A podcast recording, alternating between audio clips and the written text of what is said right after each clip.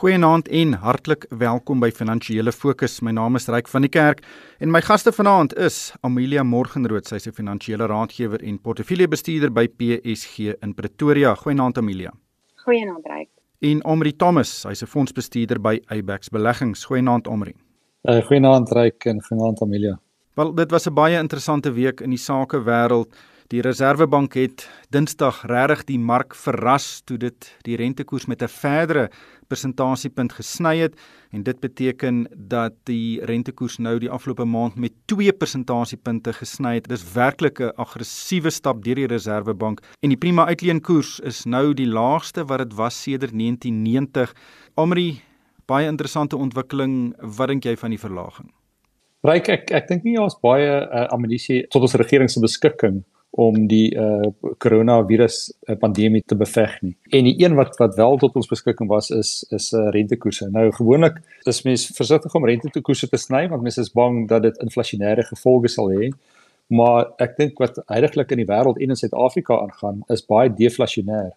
En veral as as mens ook kyk waar die olieprys is. So ek dink dit is regtig 'n uh, geval waar die regering probeer kyk hoe kan ons die ekonomie stimuleer want ons groeikoers lyk of dit in mekaar gaan stort en uh en die verbruikers onder geweldige druk. Ehm um, so ek dink dit is uh geregverdig dat ons gesien het dat uh ons 2% basiepunte in 'n baie kort tydjie uh, se snye gesien het. Wat bedoel jy met deflasionêr? Gewoonlik as as daar groot vraag is vir produkte, dan het die verskaffers die vermoë om pryse op te skuif wat basies inflasie gaan gaan aanjaag. Maar op die huidige oomblik is die vraag van verbruikers baie laag uh, gegee die pandemie en uh die produsente kan dus moeilik die pryse opskuif omdat daar nie vraag is nie. En terselfdertyd met die olieprys wat so laag is, gewoonlik is dit koste druk vir die produsente wat dan ook veroorsaak dat hulle hulle pryse moet opstoot om die kostes verhoogde kostes te verhaal.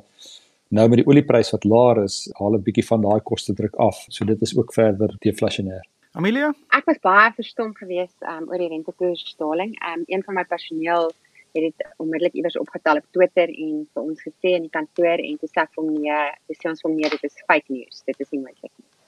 Um niemand het regtig geweet dat die monetêre beleidskomitee hulle vergadering vervroeg het nie, want ons het in elk geval niks daarvan nêrens in die media gelees nie, so dit was 'n redelike skok geweest ek kon nie glo dat hulle dit doen nie want juis omdat die monetêre beleidskomitee aanhoudend vir, vir vir die mark sê en vir ons sê dat dit nie gaan help om rentekoerse te sny om uit ons basies uit ons probleme uit te kom in Suid-Afrika nie. Ek het weer gaan navorsingsstukke lees en teruggekyk op wat die monetêre beleidskomitee elke keer gesê het tydens rentekoers vergaderings en ek onthou ek het toevallig gelees eens een keer in Julie 2017 waar hulle rentekoerse met 25 basispunte gesny het het hulle gesê dat hulle is glad nie van siening dat dit 'n oplossing is om die strukturele groei probleme in ons ekonomie aan te spreek nie.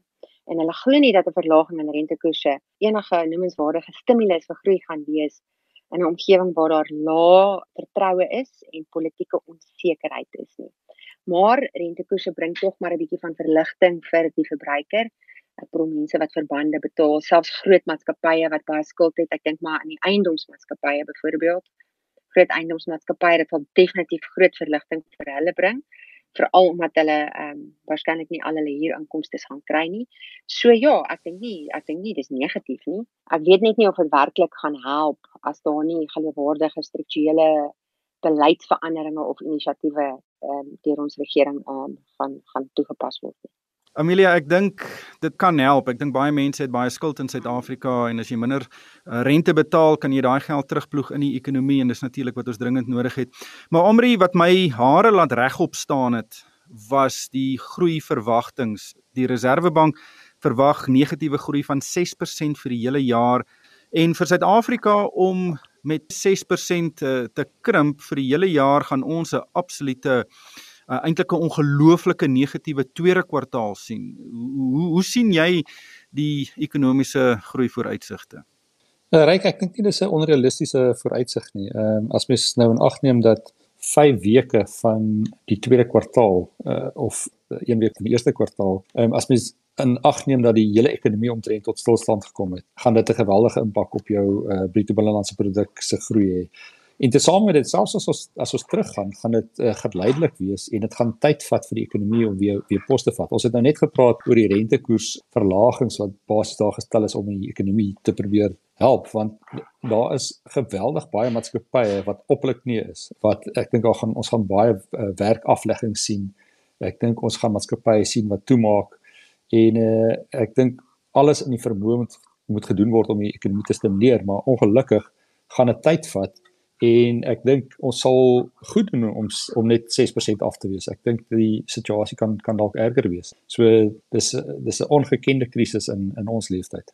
Amila, ek het uh, Vrydag gesels met Nasmera Mula, sy's natuurlik die hoof van beleggings in Suid-Afrika vir uh, 91 en sy het gesê sy is baie verbaas dat ons nog nie 'n wesenlike reddingspakket in Suid-Afrika het nie. Baie ander lande het gespring en miljarde dollars en euros gegooi na die probleem en en die probleem is grootliks om ondernemings te probeer aan die gang hou tydens hierdie uh, inperkingstydperk, ondernemings wat geen inkomste het nie. Maar ons het nog maar net krummels gesien wat gegooi word na klein ondernemings uh, en grootliks deur die private sektor. Ons het nog nie daai 50 miljard, 100 miljard ondersteuningspakket gekry wat eintlik kritiek gaan wees om die ekonomie te ondersteun in die volgende paar maande nie. Ja, en ek ek het ook nie enigsins gesien dat daar geld uitgedeel word vir maatskappye of vir klein maatskappye nie. Soos ek kan verstaan is meeste van wat beskikbaar is in Suid-Afrika is eintlik maar net lening. Ek bedoel as jy 'n klein maatskappy het en jy het nul inkomste gehad vir 'n maand of twee om 'n lening te kry, ek weet nie of dit werklik vir jou soveel bring nie. Miskien beter rentevrye lening kan sekerlik help, maar in Amerika byvoorbeeld hierdie week, ek dink nou oor die naweek is het hulle um, almal se geld betaal elke liewe gesin in Amerika. Ehm um, waar daar 'n werkende man is, het 1200 dollar gekry en as die vrou ook werk, dan nog 'n ekstra 1200 en per kind iets soos 500 dollar. So daar's aan 80 miljoen mense word daar geld sommer net uitbetaal, net gegee om hulle te help en om vertroue natuurlik te lig en om dit vir mense moontlik moontlik te maak om ten minste kos te koop. So hulle het werklik van die lande het reuse reuse pakkette wat hulle beskikbaar stel vir klein en media maatskappye vir die publiek vir almal um, in Suid-Afrika. Ek sien dit nie werklik nie en boonop die onsekerheid wat daar nou heers selfs met die ver, verslapping van sekere van die regulasies hierdie week. Niemand is egter seker presies wat aangaan nie. Ehm um, daar word goed gesê, maar dit word anders deurgevoer.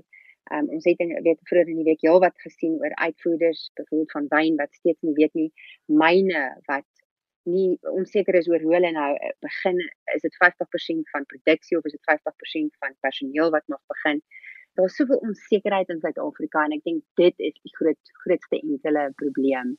Ehm um, niemand is doodseker presies wat aangaan of hoe goed geïmplementeer word. Ja, dit is 'n bietjie van 'n pizza en 'n tuimeldroër, hoewel jy nou nie eers meer 'n pizza kan koop nie, Omri.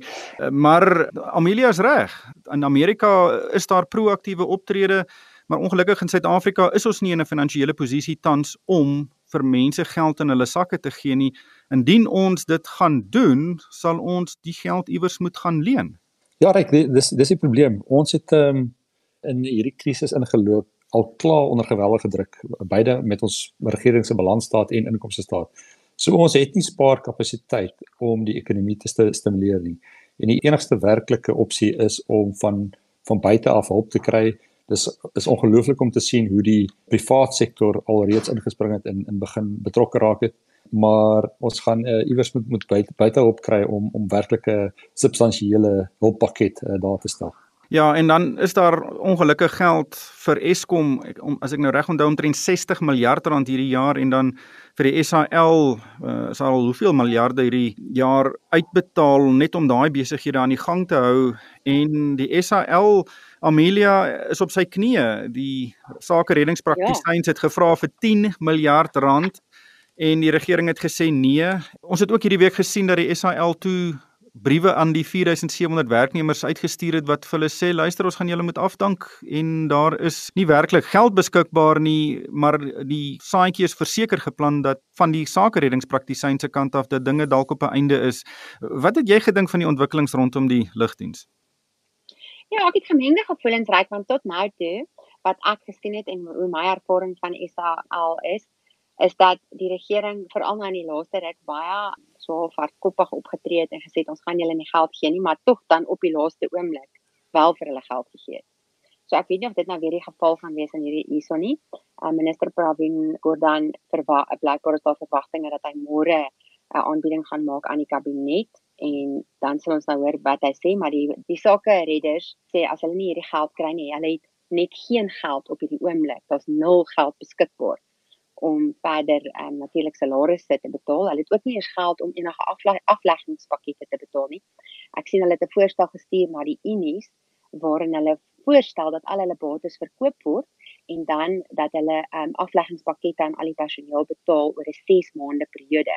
Nou van die bates wat hulle lys is goed soos eiendom wat hulle sê verkoop kan word in die volgende 6 tot 12 maande. Hulle praat van routables. Ek is nie doodseker wat dit is nie. Dit klink vir my baie tegnies. Dit dis waarskynlik roteer onderdele en dan praat hulle ook van hulle debiteure wat hulle ook oor die volgende 6 tot 12 maande kan um, bymekaar maak en dan kan hulle afleggingspakkette net slegs as hulle hierdie bates kan verkoop en realiseer en afhangende van die waarde wat hulle realiseer kan hulle dan afleggingspakkette aan die ehm um, werknemers van ehm um, SAL betaal. Maar ja, soos ek sê, ons het al baie keer in die verlede gesien dat hulle op die randjie van die afgrond staan en dat die regering dan wel inkom of dat een of ander lening aan hulle toegeken word wat waarskynlik deur die staat geborg word. Daar is altyd op die laaste oomblik is daar altyd een of ander oplossing. So ek is baie nuuskierig om te hoor wat gaan die uitkoms wees van Pravin Gordhan se voorlegging. Ja, omrie dis nogal ironies. Uh, die SAL het dit reg gekry om elke keer oor daai afgrond te vlieg vir die afgelope paar jaar, eintlik twee dekades, maar ek dink miskien gaan hy duik hierdie keer. Ja, reg, daar's daar's 'n sê ding, moenie laat 'n uh, die geleentheid wat met 'n krisis daargestel word verlore gaan nie. En ek dink SAL is nog altyd aan die gang gehou sonder ekonomiese redes daar agter. En ek dink in hierdie krisis is dit in die finale doodskoot. So ek dink ons moet die die mat onder hulle hulle uitdruk. Dit kos belastingbetalers al biljoene rande oor die jare.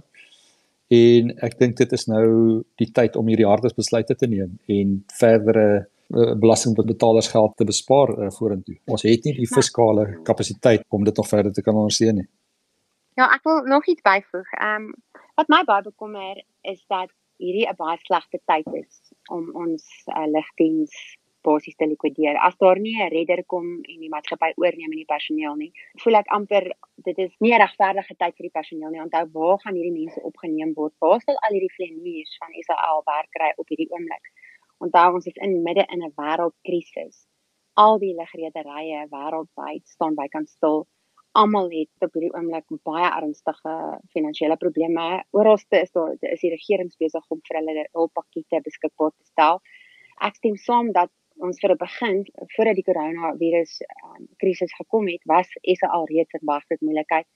Maar ek weet nie of hierdie die regte tyd is om die lugredery te laat likwideer nie. Ek stem nie 100% daarmee saam nie en ek dink dit sou vir die mense van SA al die personeel nie 'n enkele kans gee om werk te kan kry by 'n ander lugredery nie. Ek dink tot voor die corona uh, krisis was daar 'n baie sterk moontlikheid sou SAL te, uh, ten gronde gaan dat baie van die personeel dan opgeneem kan word by ander rederye reg oor die wêreld. Ek weet nie wat wat nou die geval is. Maar Omri, dis eintlik 'n interessante punt. Uh, daar was 'n groep wat 'n uh, aanbod gemaak het vir vir SA Express wat geld wil inpomp in daai lugdiens. Dink jy dieselfde kan gebeur by die SAL? Kan iemand inkom en sê luister, gee vir my die lugdiens, gee vir my van die bates wat onderliggend is. Ons kan die besigheid red. Is dit moontlik dink jy? Ek uh, ek ek wil weer eens sê ek dink SAL moet gelikwideer word, maar ek dink wat moet gebeur daarna is dat dadelik 'n nuwe nuwe ligredery daar gestel moet word. So effektief gaan jy kyk hoeveel van daai huidige werknemers kan jy kan jy opneem in die nuwe ligredery, maar vir, jy verlos SAL basies dan van al sy vorige skulde en uh, verpligtinge. Nou ek stem saam 100% saam met Amelia. Ek wil mense moet regtig kyk na die na die personeel want dit is 'n baie moeilike tyd. En uh jy gaan sukkel om om werk te kry of dit nou 'n ligredery is of of of elders anders. Maar ek dink as as iemand kan inkom met 'n skoon bladsy en hulle sê luister jy kan SAL vir 'n vir 'n rand koop uh, sonder enige van sy verpligtinge dink ek dit is dit is regtig uh, oor die langtermyn kan dit 'n goeie bate wees. Ehm uh, maar uh, ons gaan dan as land baie moet afskryf, maar ek dink dit is dalk die regte pad om te volg. Nou in SA Express se geval klink dit of daar aanbod is van omtrent 400 miljoen waarvan hulle 100 miljoen rand wil uitbetaal aan die krediteure en dan basies 300 miljoen terugsit in die maatskappy om hom te herkapitaliseer.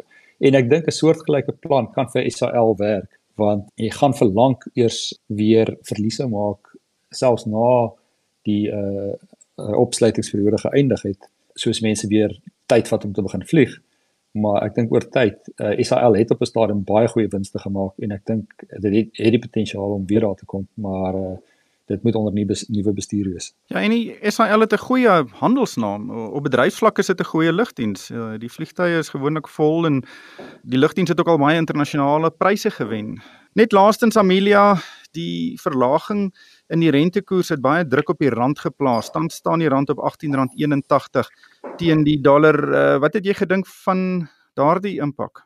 Ek dink al die opkomende markte se geldeenhede is onder geweldige druk. Dis maar hierdie vlug weg van risiko af en natuurlik daar's maar 'n vraag oor die opkomende lande se vermoë om deur hierdie krisis te bly staan en hoe hulle dit gaan hanteer. Kyk, hulle het nie ekstra is nie ekstra reserves nie vir 'n land soos Suid-Afrika. Ons was reeds voor corona was ons al reeds in 'n krisis gewees. So ek dink dit is waarom ons rand onder so so baie druk is. Weet hy nou hy dit wil wil met tye lyk asof hy bietjie sterker wil gaan en dan lyk dit asof hy weer sy kop optel maar sover in April het hy reeds 5% verloor teen Amerikaanse dollar en vir 2020 is ons rand nou af net meer as 25%. So ek dink jy weet saam met die rand is maar saam met die markte so al vasgevang en ehm um, so dit tussen konstante vrees van 'n wêreldwye resessie en wat se effek dit op opkomende markte gaan hê. En dan ook daar weer so glimpie hoop dat die einde van hierdie pandemie dat wat ons kan sien die einde is hierso daar's heelwat lande wat reeds datums bekend gemaak het wanneer hulle presies hulle industrie weer aan die gang gaan kry. Selfs Amerika Trump het gesê die goewerneurs van die verskillende state moet self besluit op wanneer en watter tyd afhangende van die situasie in daardie staat wanneer hulle gaan weer begin werk so ek dink daar's 'n definitiewe draai wat plaasvind aan die einde van hierdie week rondom ehm um, tye wat bekend gemaak is wanneer besighede begin oopmaak in Europa is daar heelwat lande wat reeds begin het om hulle winkels oop te maak. Ehm um, in Nederland het ek verstaan dat van die klerewinkels dit selfs begin oopmaak hierdie week. Maar ek dink dit gaan definitief miskien help 'n bietjie vir die rand afhangende van of ons natuurlik soos omrede tot vroeër daar gepraat as daar miskien moontlikheid is dat Suid-Afrika 'n reddingspakket nodig het. Um, ek weet ja. nie wat die daar's net te veel onsekerheid op die oomblik. Niemand weet nie. Wel ongelukkig het die tyd ons ingehaal. Baie dankie aan Amelia Morgenrood. Sy is 'n finansiële raadgewer en portefeuljebestuurder by PSG in Pretoria en ook Amri Thomas, sy's 'n fondsbestuurder by Ibex Beleggings. En daarmee moet ons groet van my ryk van die kerk. Dankie vir die saamluister en ek hoop almal het 'n gesonde week.